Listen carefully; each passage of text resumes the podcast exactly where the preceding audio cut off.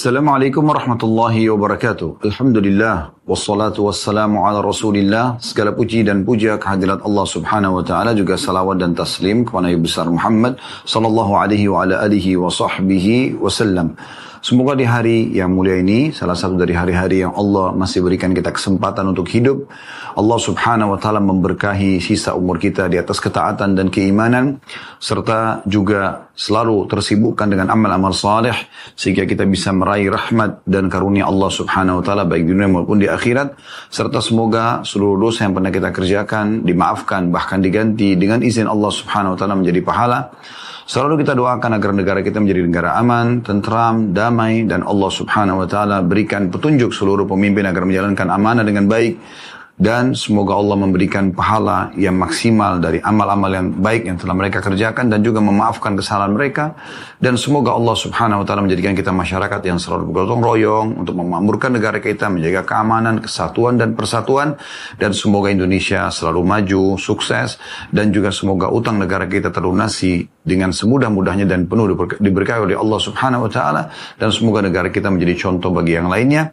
Dan tentu saja teman-teman sekalian kita berharap di awal pertemuan pertemuan ini semoga Allah subhanahu wa ta'ala menyatukan kita di surga firdausnya tanpa hisab. Terima yang disatukan dalam majelis ilmu yang mulia ini. Allahumma amin. Seperti biasa di hari Rabu kita akan melanjutkan siang hari pukul 12.30 waktu Indonesia Barat. Di saat sholat duhur uh, kurang dari jam 12 maka kita akan mulai di 12.30. Tapi di saat waktu duhur jam 12 lewat, maka kita akan mulai pukul 13.00. Dan pada hari ini insya Allah kita akan mulai di 12.30 waktu Indonesia Barat dan kita akan masuk lanjutan bahasan kita sekarang insya Allah di bab ke-92, bab kewibawaan dan ketenangan. Seperti biasa, sebelum masuk menjelaskan dan membaca dalil, tentunya kita akan coba dulu menanggapi tentang bab ini. Dalam Islam, seorang muslim dianjurkan untuk menjaga wibawahnya, nama baiknya, nama harumnya, martabatnya, kedudukannya, Ya, tidak boleh seorang muslim itu justru merusak nama baiknya. Ya, baik itu dari penampilan dia, dari tutur kata dia, ya, dari muamalah secara umum. Jadi tidak boleh seorang muslim itu malah membuat orang lain menilai dia negatif. Misal penampilannya compang-camping, kotor, badannya bau, misal contoh. Karena akan mencoreng wibawanya, akan mencoreng nama baiknya. Orang akan mengatakan, oh si fulan atau fulana itu bau misalnya, atau berantakan, Sebaliknya kita lihat, kalau ada seorang muslim atau muslimah yang menjaga penampilannya, pakaiannya bersih, penampilannya kelihatan segar, fresh dia.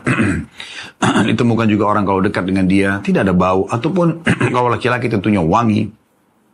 Nah dibolehkan dia menggunakan parfum di luar rumah pun. Kalau wanita misalnya ketemu sama wanita atau dikunjungi di rumahnya mereka juga merasa nyaman karena kebersihan dan kerapian. Kita selalu nyaman dengan orang yang bersih, rapi ya. Mungkin Paras wajahnya tidak terlalu ya tampan sekali atau cantik sekali, tapi karena rapi dan bersihnya membuat ada ada peningkatan nilai gitu kan pada diri seseorang. Nah itu berhubungan sekali dengan masalah wibawa seseorang. Begitu juga dengan tutur kata yang diucapkan misalnya.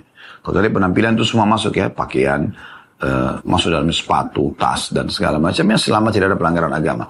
Begitu juga dengan tutur kata teman-teman sekalian. Pilihlah tutur kata yang tepat pada saat berkomunikasi dengan siapa pun.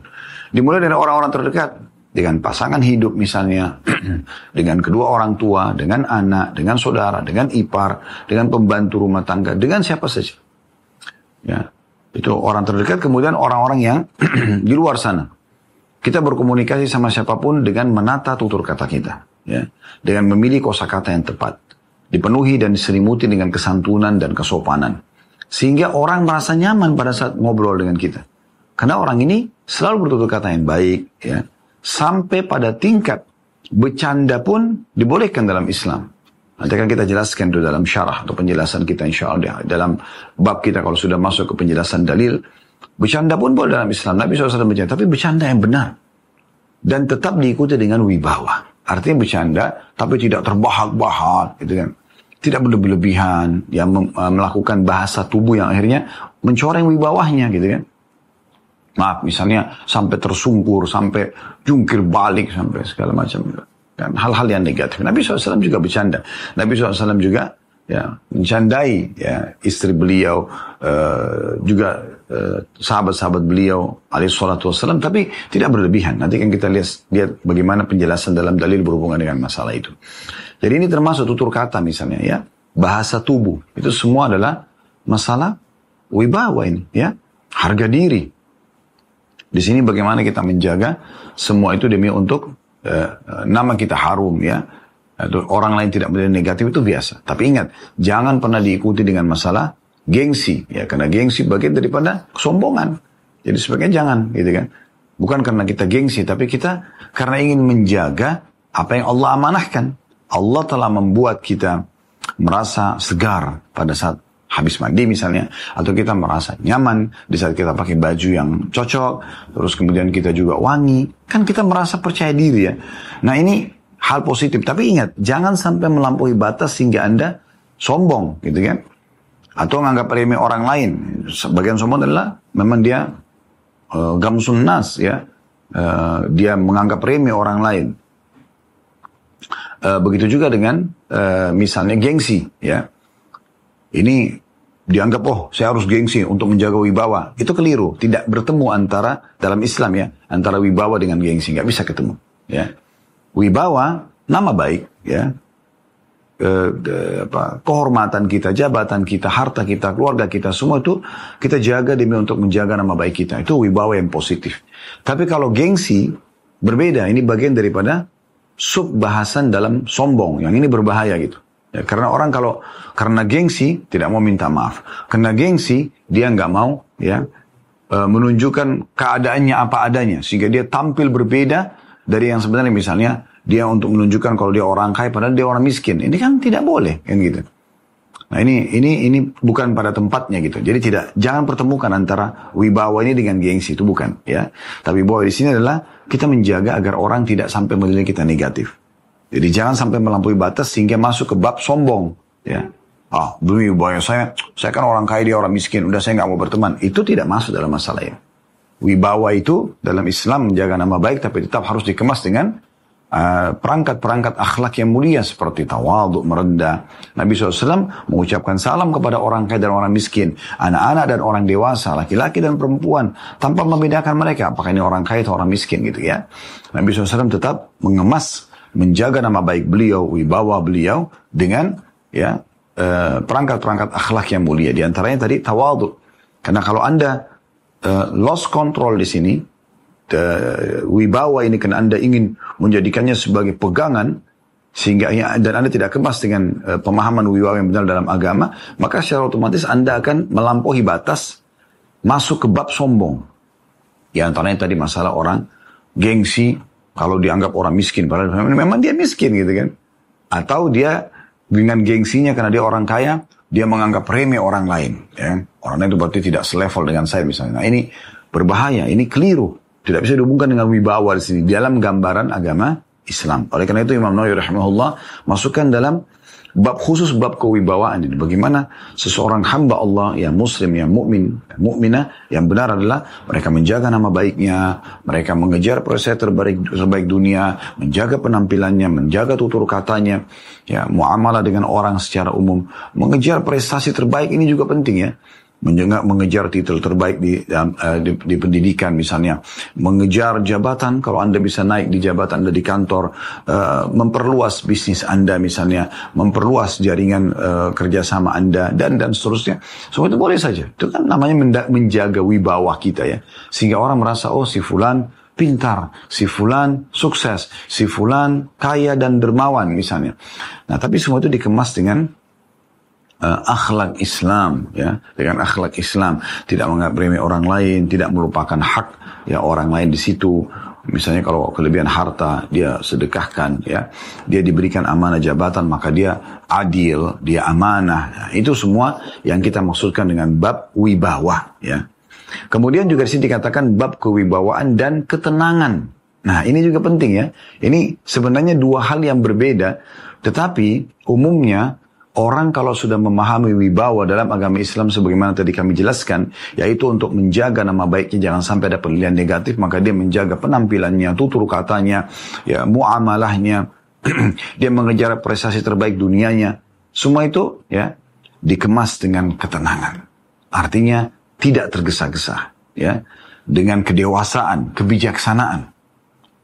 Salah satu ciri orang beriman adalah mereka tenang sekali dalam menghadapi masalah atau sedang menikmati nikmat.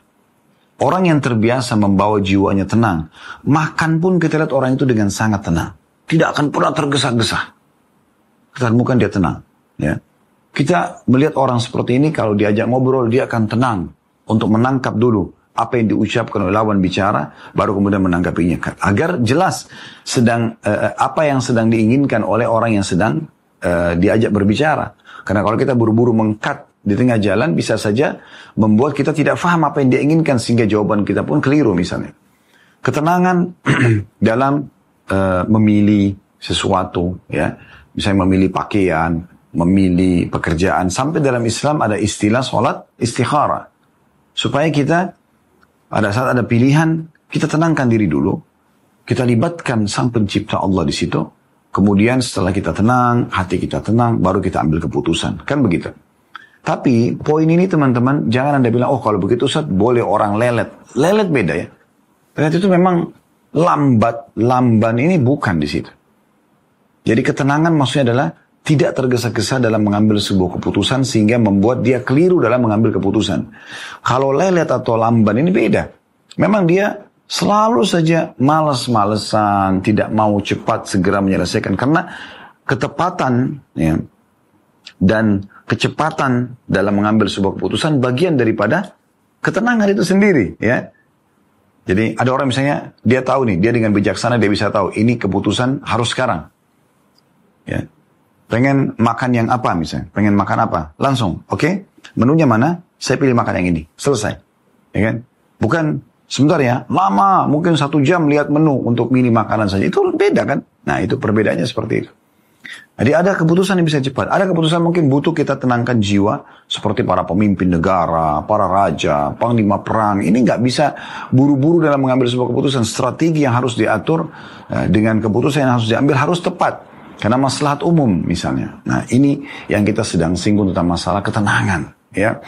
Jadi tenang teman-teman sekalian. Termasuk juga tenang pada saat Anda sedang diganggu oleh orang, diserang oleh orang. ya Dalam arti kata, Misalnya sekarang kayak di media ya, orang banyak menyerang orang lain, mencari kesalahannya, mau menjatuhkan, tenang aja, gitu kan? Supaya kita jangan tergesa-gesa, karena kalau kita tergesa-gesa dalam menjawab ya atau mengambil keputusan untuk menjawab itu atau mengambil langkah lah ya, mungkin dengan menyerang balik, maka akan jadi kacau semuanya. Mungkin tadinya kita benar, kita jadi salah, kan begitu.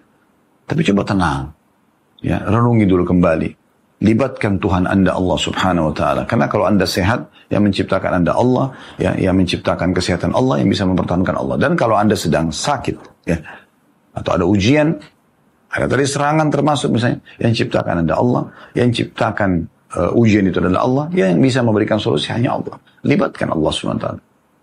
Nabi SAW sering kali kalau ada sesuatu yang mendesak dalam riwayat dikatakan beliau segera mengerjakan sholat kembali kepada Tuhannya Nah, itu yang dimaksud dengan ketenangan. Memang subhanallah, seorang mukmin atau mukminah kalau sudah makin dekat dengan Allah Subhanahu wa taala, maka kita akan temukan makin tenang dalam melangkah ya, ngambil keputusan, bermuamalah, santun, itu akan ada itu. Ya, akan muncul kalau seseorang itu hatinya dipenuhi dengan keimanan. Justru orang kalau hatinya kosong dari keimanan atau sangat kurang, ugal-ugalan. Tutur katanya nggak jelas, kasar, menjatuhkan orang ini, menyalahkan orang itu, mencari aib orang ini. Menandakan lemahnya iman orang itu. Ya. Ini yang sedang uh, dititik beratkan dalam judul ini tentunya. ya. Baik, di sini Imam Nawawi rahimahullah tidak mengangkat banyak dalil. Tapi yang beliau angkat sangat padat sebenarnya yaitu surah Al-Furqan ayat 63 ini dalil pertama.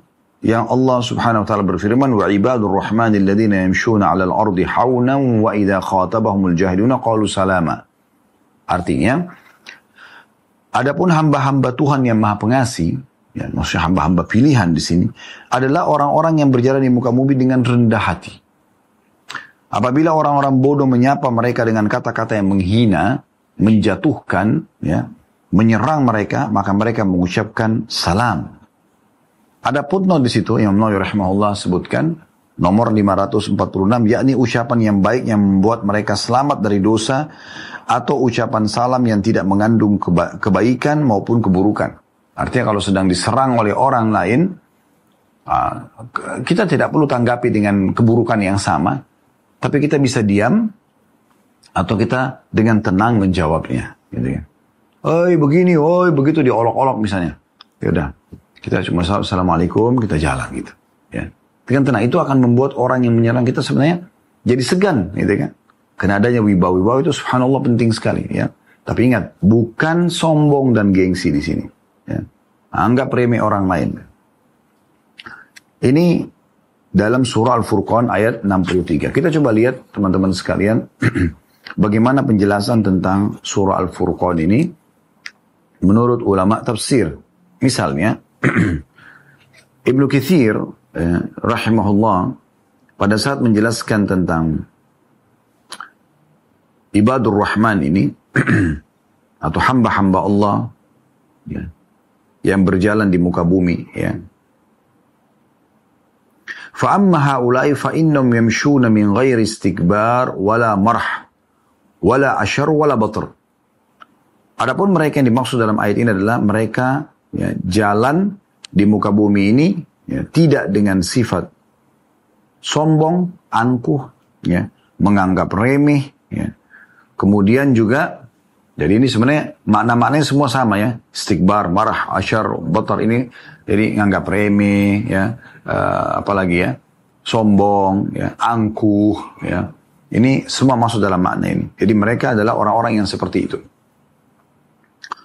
Kemudian juga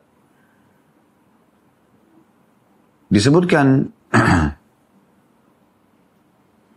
dalam makna yang lain ya di sini yang dimaksud dengan yamshuna 'alal ardi hauna hamba-hamba Allah yang jalan di muka bumi dalam keadaan tenang maksudnya penuh kewibawaan. Tidak sampai orang menilai negatif. Tidak juga sombong ya. Jalan dengan tenang jalan dengan santun ya jadi bukan kena badannya besar udah jalan dengan kesombongan misalnya ya tapi dia dengan santun. Sehingga dia jalan pun orang bisa menilai, oh orang itu berwibawa. Nah, gitu. Sehingga orang hormat dengan dia. Tapi tidak diikuti sekali lagi dengan kesombongan, menganggap remeh orang lain. ya. Juga yang dimaksud dengan wa idha khatabahumul jahilun, pada saat orang-orang bodoh berbicara dengan mereka, maksudnya mengejek-ngejek mereka, mengolok-olok mereka, maka mereka ya menjawab dengan perkataan yang tenang, atau membalas dengan salam perkataan yang santun yang jauh dari dosa. Ya. Olok-olok lah kita lagi lewat di olok-olok oleh orang. Tenang aja. Senyum kita tinggalkan. Atau kita jawab dengan kata-kata yang malah baik. Gitu loh. Orang olok-olok kita bisa kita, Assalamualaikum, apa kabar mas? Baik, apa kabar mbak? Gitu. Dalam kondisi mereka lagi caci maki kita sebenarnya. Tanpa kita ketahui apa sebabnya. Biasa aja gitu. Ya. Maka itu dimaksud dengan hamba-hamba Allah ini. Dalam tafsir Jalalain disebutkan alladzina yamshuna 'alal ardi hauna hamba-hamba Allah yang berjalan di muka bumi dalam kondisi hauna yang dimaksud adalah bisakinatin wa tawadhu. Dengan tenang ya, tidak tergesa-gesa tergopo-gopo gitu kan dan tawadhu tidak menganggap remeh orang lain. Kemudian juga dinukil perkataan ya, Mujahid rahimahullah seorang tabi'in yamshuna bil waqari was sakinah. Mereka berjalan dengan penuh kewibawaan dan juga ketenangan jiwa. Nah, jadi kan wibawa di sini menjaga agar jangan sampai orang menilai dia negatif dan juga dengan tenang. Tidak tergesa-gesa. Ada orang mungkin tampan atau cantik tapi karena ketawa terbahak-bahak berlebihan atau misalnya dia jalannya ya, bahasa tubuhnya seperti orang maaf yang ugal-ugalan maka jatuh ketampanan itu kecantikan itu hilang gitu. Dan subhanallah memang umumnya ya umumnya orang itu kalau sudah menjaga wibawahnya pakaiannya rapi tutur katanya rapi maka pasti juga akan terjaga semua muamalahnya sama orang lain Tapi kalau kita lihat orang-orang memang tidak peduli dengan seperti ini, maka akan kita lihat penampilannya apa adanya, tutur katanya juga apa adanya, ya. Dan seterusnya. Al-Hasan Basri rahimahullah menanggapi ayat ini, Al-Furqan ayat 63, La yajhaluna ala ahad wa in jahila alaihim ya, halumu mereka ibadur rahman itu tidak menjahili, maksudnya berbuat jahat, nakal, ganggu orang. Jika dijahili, mereka malah membalas dengan sikap lemah lembut. Nah, itu yang Allah sebutkan. Justru itu orang yang berwibawa. Karena kadang-kadang ada orang subhanallah teman-teman sekalian dalam kondisi dia benar. Tapi karena dia tidak menjaga wibawanya, tidak tenang dalam memecahkan sebuah perkara. Marah-marah, Mungkin dia benar. Tetapi dengan peluapan yang salah, pelampiasan yang salah, membuat akhirnya orang nilai dia negatif. Dua kasus misalnya, atau dua sikap dalam satu kasus. Misalnya ada pegawai Anda berbuat salah. Saya temukan kesalahan Anda mencak-mencak, Anda marah-marah. Caci maki dia misalnya. Anda dalam kondisi benar. Tapi orang yang lihat, orang menilai ini orang ini jahat. Satu kejadian, sikap pertama. Sikap yang kedua, dia dudukkan pegawainya, dia ngomong baik-baik. Kenapa Anda lakukan ini? Tolong jelaskan kepada saya. Oh, karena ini dan itu. Oke. Okay. Tapi dalam peraturan perusahaan tidak boleh. Atau dalam masalah agama ini tidak dibenarkan. Karena ada dalil yang seperti ini dan itu misal. Sebenarnya sama tujuannya. Anda sedang mengingatkan dia. Tapi yang pertama, itu dengan sikap ya yang keliru, yang kedua sikap yang tepat yang sesuai dengan apa yang sedang kita bahas, yaitu hamba-hamba Allah yang pilihan di muka bumi ini yang Allah sebutkan dalam surah Al-Furqan. Itu perkataan Hasan Basri rahimahullah tadi. Kemudian ada juga perkataan Sa'id bin Jubair rahimahullah seorang tabi'in. Mereka membalas perkataan buruk dengan perkataan baik. Semua perkataan jahil, perkataan buruk dibalas dengan perkataan salam atau perkataan baik. Apa pun caciannya, kamu bodoh, kamu begini, kamu begitu. Ya, terima kasih. Nanti coba saya akan introspeksi diri bisa. Abdullah bin Abbas radhiyallahu anhu pernah beliau pakai jubah baru, dicaci maki oleh orang tanpa sebab. Beliau diam saja. Gak ditanggapin. Beliau diam sambil dengarin itu. Sementara, ya, murid-muridnya di belakangnya dia sudah sangat marah mendengar caci-cacian tersebut. Setelah orang itu selesai karena tidak ditanggapin, dia kan sudah kehabisan kosakata karena orang kan yang ajak kita bertengkar kalau tidak ditanggapin kan selesai sebenarnya. Maka dia pun malu. Abdullah bin mengatakan, apa kau sudah selesai? Dia bilang iya. Lalu beliau buka jubahnya, beliau kasih jubah itu kepada orang tersebut sambil dia berkata pada muridnya, tunjukkan alamat kita pada orang ini, mungkin ya dia atau uh, dia butuh sesuatu. Setelah hari itu, orang tersebut menjadi murid Abdullah bin Abbas radhiyallahu anhu. Begitu luar biasanya Allah bisa berikan mereka ya keimanan dan wakar, ketenangan jiwa, menjaga kewibawaan. Muqatil bin Hayyan rahimahullah berkata, mereka membalasnya dengan perkataan yang tidak mengandung dosa. Jadi kalaupun dia harus balas, yang tidak mengandung dosa. Ya. Ibnu Kathir, ya, Berkata dalam tafsir beliau, saya terjemahkan, jika orang jahil mengajak bicara mereka dengan kata-kata jelek, ya, maka mereka tidak membalas yang semisalnya. Bahkan mereka memberi maaf dan tidak membalas kecuali dengan kebaikan. Sebagaimana sikap Rasulullah SAW, semakin orang jahil bertindak kasar pada beliau, semakin beliau berlaku lemah lembut pada mereka. Hal itu sebagaimana disyariatkan atau diisyaratkan pada firman Allah Subhanahu wa taala dalam surah Al-Qasas ayat 55. Bunyinya wa idza sami'u lagwa a'radu anhu wa qalu lana a'maluna wa lakum a'malukum salamun alaikum la nabtagil jahilin. Subhanallah. Ini firman Allah Subhanahu wa taala dalam sekali ya. Kata Allah taala dan apabila mereka mendengar perkataan yang tidak bermanfaat Sebenarnya ini kata-kata kasar atau dan sejenisnya, tapi Allah SWT pun menyampaikan kepada kita dengan santun. Kalau kalian atau hamba-hamba Allah mendengarkan perkataan yang tidak bermanfaat. Berarti kalau sudah tidak ada manfaatnya secara agama, secara dunia, ya, apalagi kalau sudah sampai berbau menjatuhkan orang lain, dosa. mereka berpaling darinya.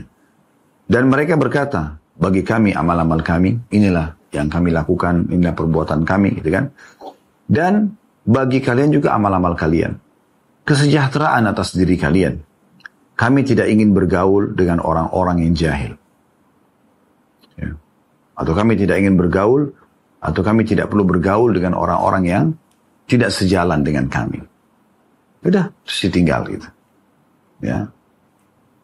Juga firman Allah Subhanahu wa taala dalam surah Fussilat ayat 34 sampai 35 yang berbunyi, "Wala tastawil hasanatu wala sayyi'atu idfa' billati hiya ahsanu fa idzal ladzi bainaka wa bainahu adawatun ka'annahu waliyyun hamim. Wa ma yulaqaha illa alladziina sabaru wa ma yulaqaha illa dzu hazzin 'adzim." Tidaklah sama kebaikan dan kejahatan itu. Tidak sama orang baik, orang jahat, sikap baik sama sikap jahat. Tidak sama. Tolaklah kejahatan itu, kata Allah SWT, dengan cara yang lebih baik. Jangan lawan dengan kejahatan juga. Jangan digibah-gibah juga, difitnah-fitnah juga, pukul-pukul juga. Tidak perlu. Maka tiba-tiba saja orang yang tadinya ada permusuhan antara engkau dengan dia akan menjadi teman yang setia. Justru bisa berbalik itu. Permusuhan menjadi kebaikan. Sifat-sifat baik itu tidak dianugerahkan melainkan kepada orang-orang yang sabar. Dan tidak dianugerahkan melainkan kepada orang-orang yang mempunyai keuntungan yang besar. Ibnu Abbas radhiyallahu anhu mengatakan Allah memerintahkan pada orang beriman untuk bersabar ketika ada yang membuat marah. Ya. Membalas dengan kebaikan jika ada yang buat jahil. Memaafkan ketika ada orang yang buat jelek. Jika setiap hamba melakukan semacam ini, Allah akan melindungi dari gangguan syaitan dan akan menundukkan musuh-musuhnya. Malah yang semula bermusuhan bisa menjadi teman dekatnya karena tingkah laku baik semacam ini. Coba dalam sekali ya. Saya ingin ulangi lagi. Buat diri saya pertama baru kemudian buat teman-teman gitu. Bagaimana Abdullah bin Abbas memberikan nasihat yang luar biasa. Beliau mengatakan dalam menjelaskan tafsir surah Fussilat ayat 34 sama 35 tadi yang sudah saya bacakan, Allah memerintahkan pada orang beriman untuk bersabar. Ketika ada yang membuatnya marah, jadi bukan malam ikut-ikutan ya. Dalam surah uh, Al Imran surah nomor 3 133, 134 itu kan disebutkan ya. Di antaranya wal qadimin al ghaid dan orang-orang yang bisa menahan emosinya di saat dia bisa mampu melampiaskannya. Kemudian dikatakan, ya setelah beliau mengatakan Allah memerintahkan hamba-hambanya yang beriman untuk bersabar pada saat ada yang membuatnya marah, membalas dengan kebaikan jika ada yang berbuat jahil, ya, memaafkan ketika ada yang berbuat jelek. Jika setiap hamba melakukan semacam ini, maka Allah akan melindungi dari gangguan syaitan. Dia tidak akan terpengaruh buat dosa dan membalas keburukan itu. Dan akan menundukkan musuh-musuhnya. Bahkan yang tadinya bermusuhan bisa menjadi teman dekatnya. Ibnu Katsir juga menyebutkan dalam tafsir Quran Al-Azim berhubungan dengan tadi surah ini, namun yang mampu melakukan seperti ini adalah orang yang memiliki kesabaran. Karena membalas orang yang menyakiti kita dengan kebaikan adalah suatu yang berat bagi setiap jiwa. Tetapi memang sudah begitu ajaran agama Islam. Ya. Syekh Abdurrahman Abdurrahman Nasir As-Sa'di rahimahullah seorang ulama tafsir. Ya yang sudah mafat beliau mengatakan inilah pujian bagi mereka ibadur rahman karena sifat lemah lembut yang mereka miliki kejelekan yang mereka balas dengan kebaikan. Dan mereka pun membalas orang-orang yang jahil atau nakal ataupun jahat dengan kebaikan. Ya. ini luar biasa gitu ya. Bagaimana Allah subhanahu wa ta'ala memberikan ya kepada orang-orang yang dipilih olehnya untuk menjadi hamba-hambanya yang roh yang yang apa namanya yang uh, hauna mereka tenang salama berkata kata-kata yang baik walaupun mereka sedang diserang. Nah ini yang diangkat oleh Imam Nawawi rahimahullah dalam dalil pertama dari ayat Al-Quran. Dan selain insya Allah, selain satu ini kita akan kembali untuk membaca sebuah hadis yang diangkat oleh beliau dan kita akan tambahkan insya Allah dengan beberapa syarah. Baik teman-teman sekalian, kita lanjutkan bahasan kita di bab 90 dari kitab Riyadus Solihin, bab kewibawaan dan ketenangan. Tadi sudah panjang lebar di potongan sesi pertama, setengah jam kurang lebih kita menjelaskan tentang surah Al-Furqan ayat 63 dari tafsir dan juga pendapat para ulama berhubungan dengan masalah ini. Kita akan masuk teman-teman sekalian hadis yang diangkat oleh Imam Nawawi dalam ini dalam bab ini Imam Nawawi rahimahullah dalam bab ini yaitu hadis nomor 708. Berbunyi dari Aisyah radhiyallahu anha beliau berkata, "Ma ra'aitu Rasulullah sallallahu alaihi wasallam mustajmi'an qattun dahikan hatta tura minhu lahawatuhu. Innama kana yabtasim."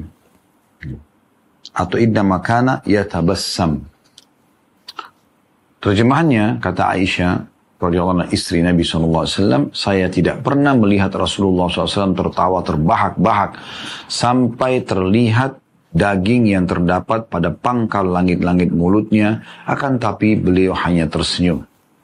Dikatakan di sini, Al-lahawat adalah bentuk jamak daripada lahatun, yaitu daging yang terdapat pada pangkal langit-langit mulut.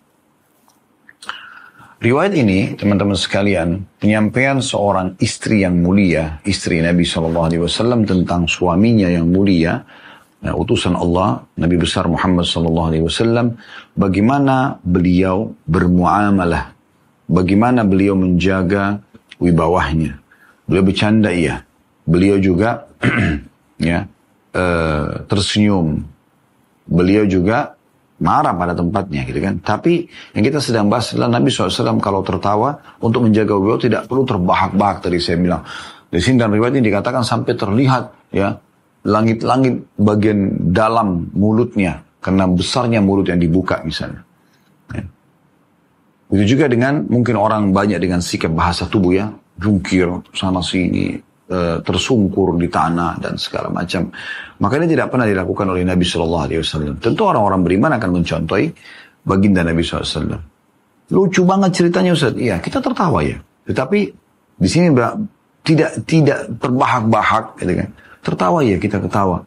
Bahkan kadang-kadang subhanallah ada sebagian orang saking dia santunnya dia sampai menjaga tertawa itu dengan menutup mulutnya misalnya, ya. Atau dia tertawa tapi tertawanya juga masih dalam kontrolan gitu kan. Nah ini yang dimaksudkan. Baik. Dalam masalah ini teman-teman sekalian, orang kalau karena yang dibahas adalah masalah tertawa ya, kita perlu tahu dulu eh, larangan Rasulullah SAW dalam hadis riwayat Tirmidzi masalah tertawa terbahak-bahak ini, ya. Karena beliau mengatakan la tukthiru dahik fa inna kathrat dahiki tumitul qalb. Jangan kalian terlalu banyak tertawa atau berlebih-lebihan. Tadi terbahak-bahak. Sesungguhnya terlalu banyak tertawa dapat mematikan hati. Ya. Dalam arti kata nanti hatinya tidak mudah untuk tersentuh. Orang kalau setiap hari tertawa aja terus. Yang dia lakukan dari mulai aktivitas pagi sampai malam semua isinya tertawa terbahak-bahak. Semuanya isinya bercandaan. Tidak ada batas waktu. Tidak ada saatnya dia serius misalnya.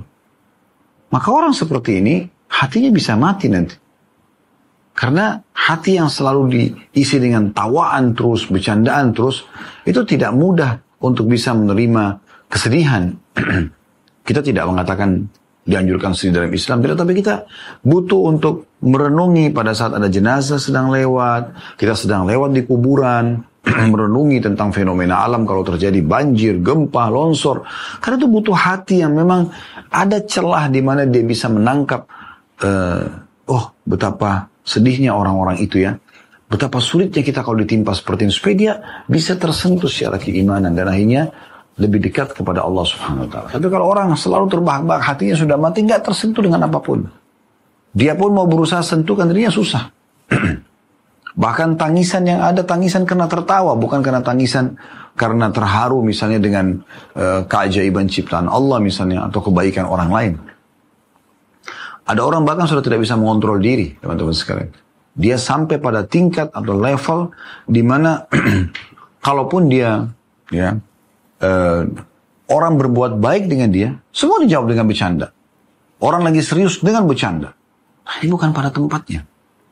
Harus bisa kita kontrol kapan kita bercanda, kapan kita serius. Dan ingat, jangan berlebihan. Karena tetap kita sedang membahas sebab menjaga wibawa. Nabi SAW pernah bercanda. Di antaranya, dari riwayat Al-Hasan radhiyallahu anhu, cucu Nabi SAW, beliau mengatakan, atat ajuzun ila Nabi wasallam. Satu waktu pernah ada seorang ibu tua sekali, nenek-nenek datang kepada Nabi wasallam. Faqalat lalu dia mengatakan ya Rasulullah, Allah an yudkhilanil jannah. Ya, dia mengatakan ya Rasulullah, berdoalah kepada Allah agar aku termasuk dari penghuni surga. Faqala ya umma fulan innal jannata la tadkhuluha ajuz. Wahai ibunya fulan, sesungguhnya surga tidak akan dimasuki oleh orang tua. Qala fawallat tabki ya. Atau fawallat tabki. Maka ibu itu nenek tadi tiba-tiba keluar dari masjid lalu menangis gitu. Faqala akhbiruha annaha la tadkhuluha wa hiya ajuzun. Inna Allah Ta'ala yaqul ansha'nahunna insha'an faja'alnahunna abkara wa abqaran urban atraba. Maka Nabi SAW waktu dapat informasi itu mengatakan, sampaikan, kabarkan kepada nenek tadi itu. Bahwasanya wanita tersebut tidak masuk surga dalam kondisi seperti ini, tua, nenek tua. Sesungguhnya Allah Ta'ala mengatakan ya, dalam surah Al-Waqi'ah ayat 35 sampai 37, sesungguhnya kami menciptakan mereka dengan langsung para bidadari dan kami jadikan mereka garis-garis perawan dan juga penuh cinta lagi sebaya umurnya. Maksudnya adalah pasti nanti akan di sana kembali muda gitu. Nah, Nabi SAW sini bercanda dengan uh, wanita tadi itu ya, dengan tujuan sebenarnya menghiburnya gitu kan. Tapi ibu itu tiba-tiba merasa sedih, dia pikir dia tidak akan masuk surga. Dan Nabi SAW langsung segera ya, menghibur uh, ibu tersebut dan menyampaikan uh, tentang masalah ya uh, kalau dia akan masuk surga. Hanya saja tidak tidak setua ini, tidak seperti umur ini kalau kalau di surga itu. Juga Nabi SAW mengingatkan kita dalam hadis yang lain, pada saat beliau melihat banyak di antara kalangan penduduk Madinah waktu itu suka tertawa, terbahak-bahak. Beliau kumpulin mereka sambil mengatakan, Uridat alayyal jannatu wan nar. Ketahuilah telah diperlihatkan kepadaku, ditampakkan surga dan neraka itu. Falam ara kal yaumi fil khairi wasyarr. Dan saya tidak pernah melihat seperti hari ini, kebaikan yang telah akan dibalaskan di surga, dan juga ancaman siksaan yang berat yang ada di neraka. Walau ta'lamuna ma'alam la dhahiktum qalilan wa la bakaitum katsira. Dan kalau kalian tahu apa yang aku tahu, kalian lihat apa yang aku diperlihatkan, maka kalian akan sedikit ketawa dan akan kalian banyak menangis. Nah, ini jadi artinya kalau banyak ketawa susah menangis nantinya ya. Padahal kita butuh menangis karena terharu dengan nikmat Allah Subhanahu wa taala, terharu dengan kebaikan orang misalnya. Qala fama ata ala ashabi Rasulillah sallallahu alaihi wasallam yaumun ashaddu minhu maka tidak pernah ada hari di mana para sahabat Rasulullah SAW lalui hari lebih berat dibandingkan hari itu. Qala gattau ru'usahum walahum khanin. Mereka menutup kepala-kepala mereka sambil mereka menangis terisak. Ada terdengar suara isakan, tangisan mereka gitu. Ya.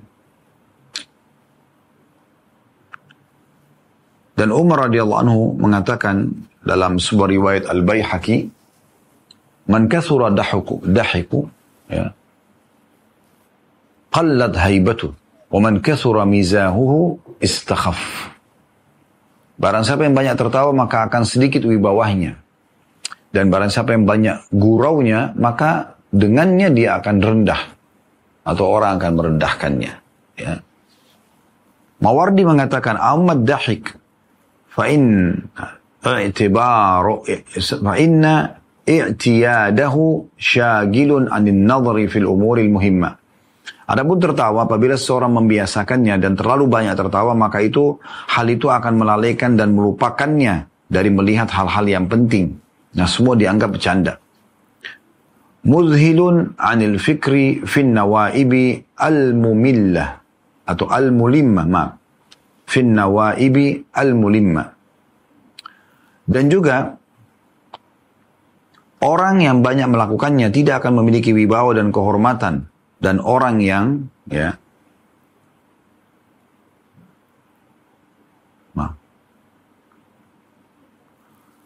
Maka hal itu akan melalaikan melupakan dari melihat hal-hal penting dan orang yang banyak melakukannya tidak akan memiliki wibawa dan kehormatan.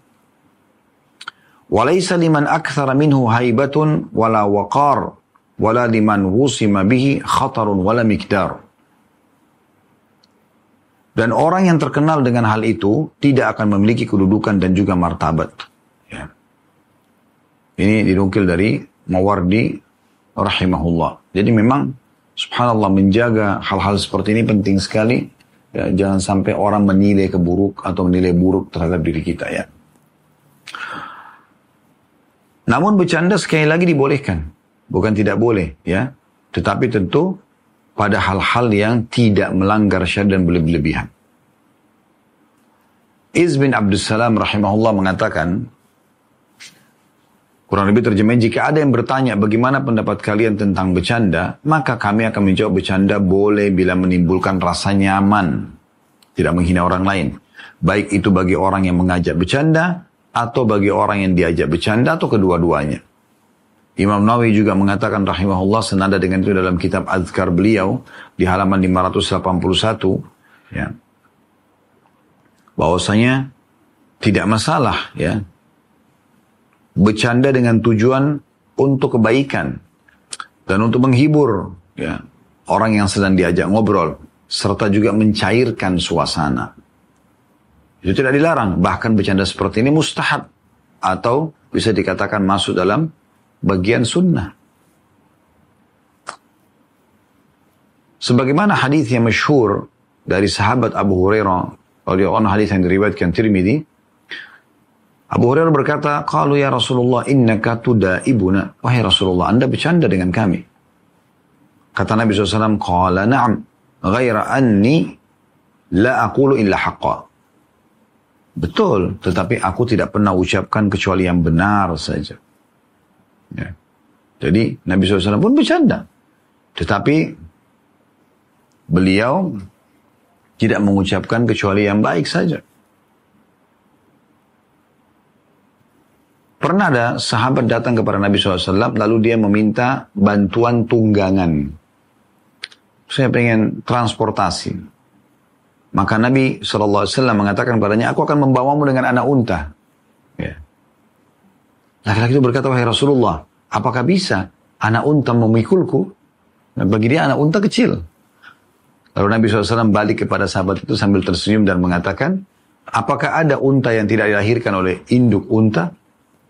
Maksudnya, anak unta pun yang boleh maksudkan adalah sebenarnya unta dewasa. Tapi boleh sambil bercanda dengan sahabat tersebut. Ini ada. Ya. Nabi SAW melakukan itu. Tetapi Nabi SAW sebagaimana Ibnu Hajar rahimahullah mengatakan candaan bersih dari segala yang dilarang dalam agama gitu kan. Dan juga menghibur dan mencairkan suasana ya, yang ada di sekitar seseorang muslim itu. Jadi memang ini dibolehkan dalam agama Islam, tapi ingat jangan sampai berlebih-lebihan. Nah itu yang dimaksudkan karena beberapa riwayat menjelaskan Nabi SAW melakukan perbuatan tersebut ya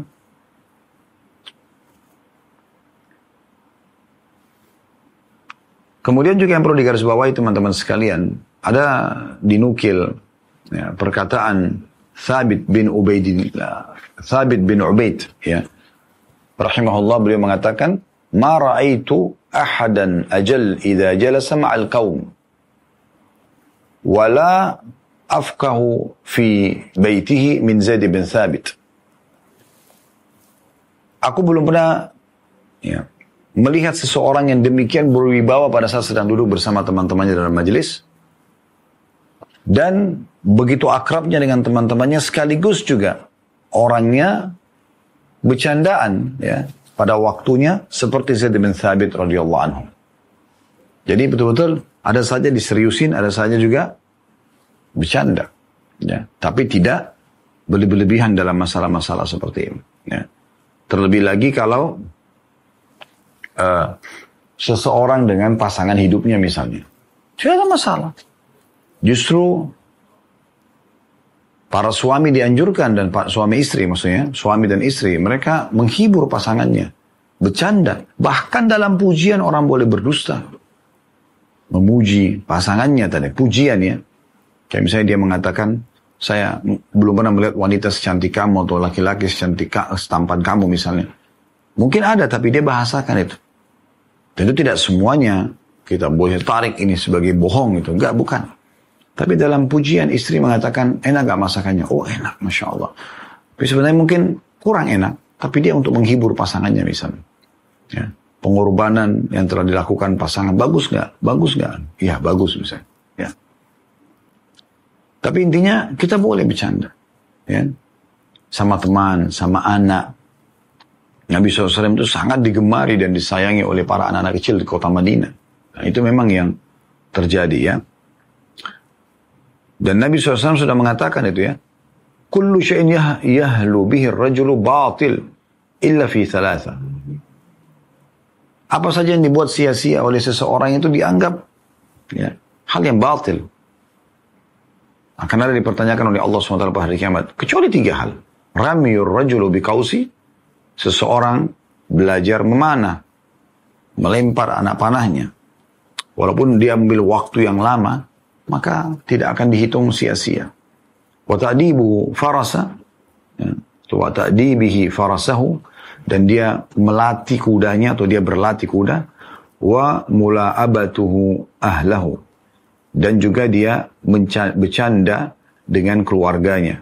Fa innahunna minal haq karena semua itu bagian daripada hak mereka. Ya, jadi ini hal yang dibolehkan ya, di dalam rumah tangga. Jadi tidak boleh juga kita tegang dalam rumah tangga, tegang dalam bersahabat atau berteman. Karena kita anggap itu, oh kita harus jaga wibawa. Tidak, bukan seperti itu.